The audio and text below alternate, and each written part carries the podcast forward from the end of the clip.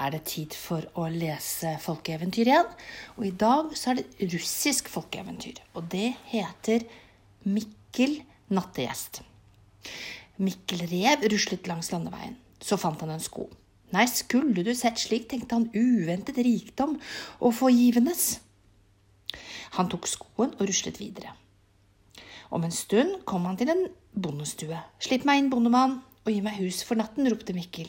Hus for natten, sier du, her er trangt nok som det er, sa bonden. Å, det greier seg nok. Jeg selv på krakken, rumpa under krakken, skoen under ovnen. Og så slapp bonden Mikkel inn, da. Mikkel på krakken, rumpa under krakken og skoen under ovnen. Ut på morgensiden sto Mikkel opp og kastet skoen inn i ovnen så den brente opp. Da vertsfolket våknet, ropte Mikkel, hvor er skoen min? Selv gåsa ble dårlig betaling for en sko. Det var ikke annet å gjøre for bonden. Han måtte ut med gåsa. Mikkel tok gåsa og ruslet videre. Om kvelden banket, Mikkel på hos en annen bonde. Slipp meg inn, bondemann, og gi meg hus for natten. Her er trangt nok for oss selv, vi har ikke plass for gjester, sa bondemannen. Å, jeg trenger ikke store plassen, selv sitter jeg på krakken, rumpa under krakken, gåsa under ovnen.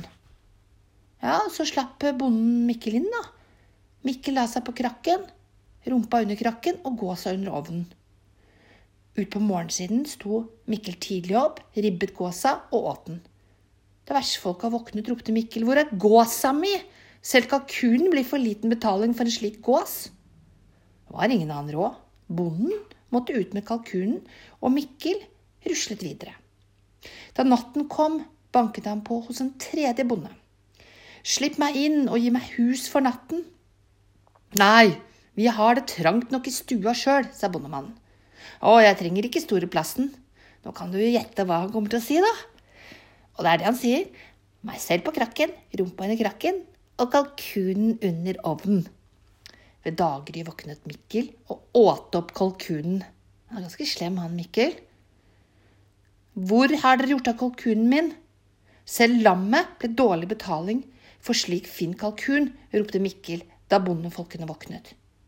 Bonden måtte gi Mikkel eh, måtte, Bonden måtte gi Mikkel lammet, og Mikkel ruslet fornøyd av sted. Mot natt banket han på i en liten bondestue og ropte. Lukk opp og gi meg hus for natten. Her er trangt nok uten deg, sa bondemannen. Og jeg trenger ikke store plassen, meg selv på krakken, rumpa til krakken og lammet under ovnen. Så ble Mikkel sluppet inn. Han la seg på krakken, rumpa under krakken, lam under ovnen. Hvor lenge kommer han til å holde på sånn, tror dere? Tidlig om morgenen sto Mikkel opp og åt lammet. Hvor er lammet mitt? ropte han da bondefolkene våknet. Om jeg så fikk en kjæreste, ble det dårlig behandling, betaling for slikt et lam.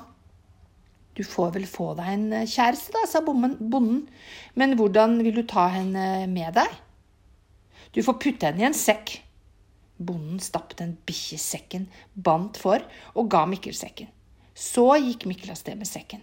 Han syntes veien ble lang og sa, Syng en sang for meg, kjæresten min.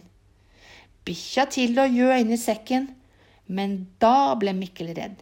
Han slapp sekken og for av gårde. Og så er eventyret ute. Og snipp og snapp og snutt. Det var litt rart eventyr, da. Litt rare eventyr de lager i Russland. Hun burde jo blitt til en prinsesse, eller i hvert fall til en rev som han kunne giftet seg med. Men han var jo ikke så snill, da, kanskje. Ja, Over og ut.